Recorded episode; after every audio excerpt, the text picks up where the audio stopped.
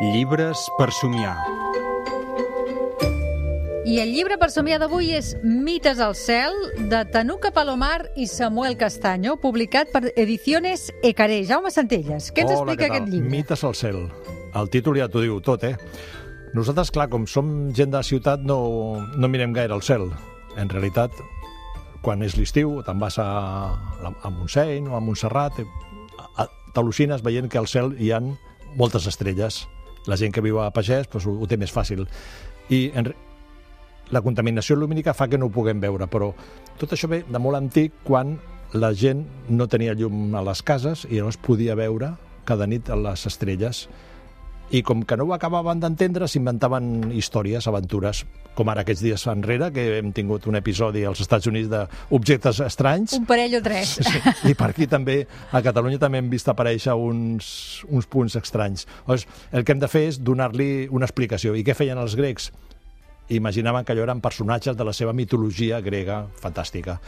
I per això coneixem la història d'Orió, de la Ossa Major, del drac, d'això, fantàstic. El llibre té una part de ciència, que són les constel·lacions, aquest agrupament d'estrelles molt brillants, i de cada una d'aquestes constel·lacions t'explica la seva història o la història que explicaven els grecs. És fantàstic. Per exemple, coneixes... Hi ha una que es veu sempre, no? o que es veu molt sovint, que és Ori- Orió. Ara aquests dies la tenim al cel. Orió. Veiem al cel tres estrelles molt brillants juntetes i, i això els grecs deien, això era el cinturó d'Orió.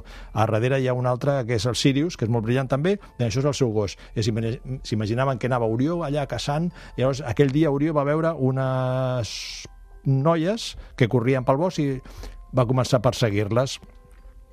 Aquestes noies li van demanar al Déu que les fes desaparèixer, que, la, que els ajudés, i les va convertir en estrelles que eren coloms. Nosaltres li diem les Pleiades. Bueno, aquesta és una mitologia. Les estrelles també servien, servien sobretot al, al, als mariners per, per, per situar-se, per saber com, cap a on han d'anar. Nosaltres tenim com a referència aquí a l'hemisferi nord la polar, l'estrella Mm. polar, que sempre marca el mateix lloc. Que aquesta forma part de la cua d'un carro o també d'una ossa, la ossa menor, la ossa major, la ossa menor, que també té una història una mica pujada de to perquè els seus, aquí en aquestes històries sempre apareixen déus, humans, semideus i la relació dels déus quan baixaven per aquí a fer de les seves. El, el, el Zeus baixava, tenia una noia de la qual estava molt enamorat que es deia Calisto. I llavors, perquè la seva dona, la, de, la deessa, era, no sapigués que, que aquest s'entenia amb aquesta humana, ell la va convertir en, en mossa. Bueno, tota una història que té molt, també molt a veure amb, el, amb alguns contes populars catalans amb els quals un os i una persona tenen les seves trifulques. Un gran llibre perquè t'explica totes aquestes constel·lacions, ho pots veure i pots saber les històries que, que hi ha al darrere o que s'inventaven els grecs. De fet, tu imagina't, no?, un home prehistòric que veia caure un llamp i, i no ho sabia perquè queia un llamp. Què, què, què, què havia de fer? Pues inventar-se una pel·lícula, inventar-se que al cel hi havia algú llançant els, els llamps. Clar, no hi sabem que allà dalt no hi ha ningú.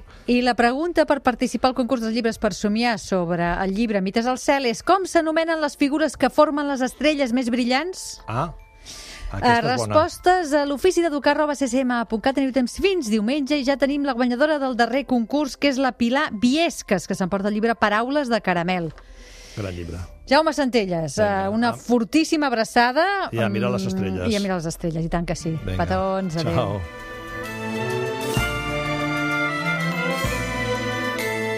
M'agraden molt els jocs de taula.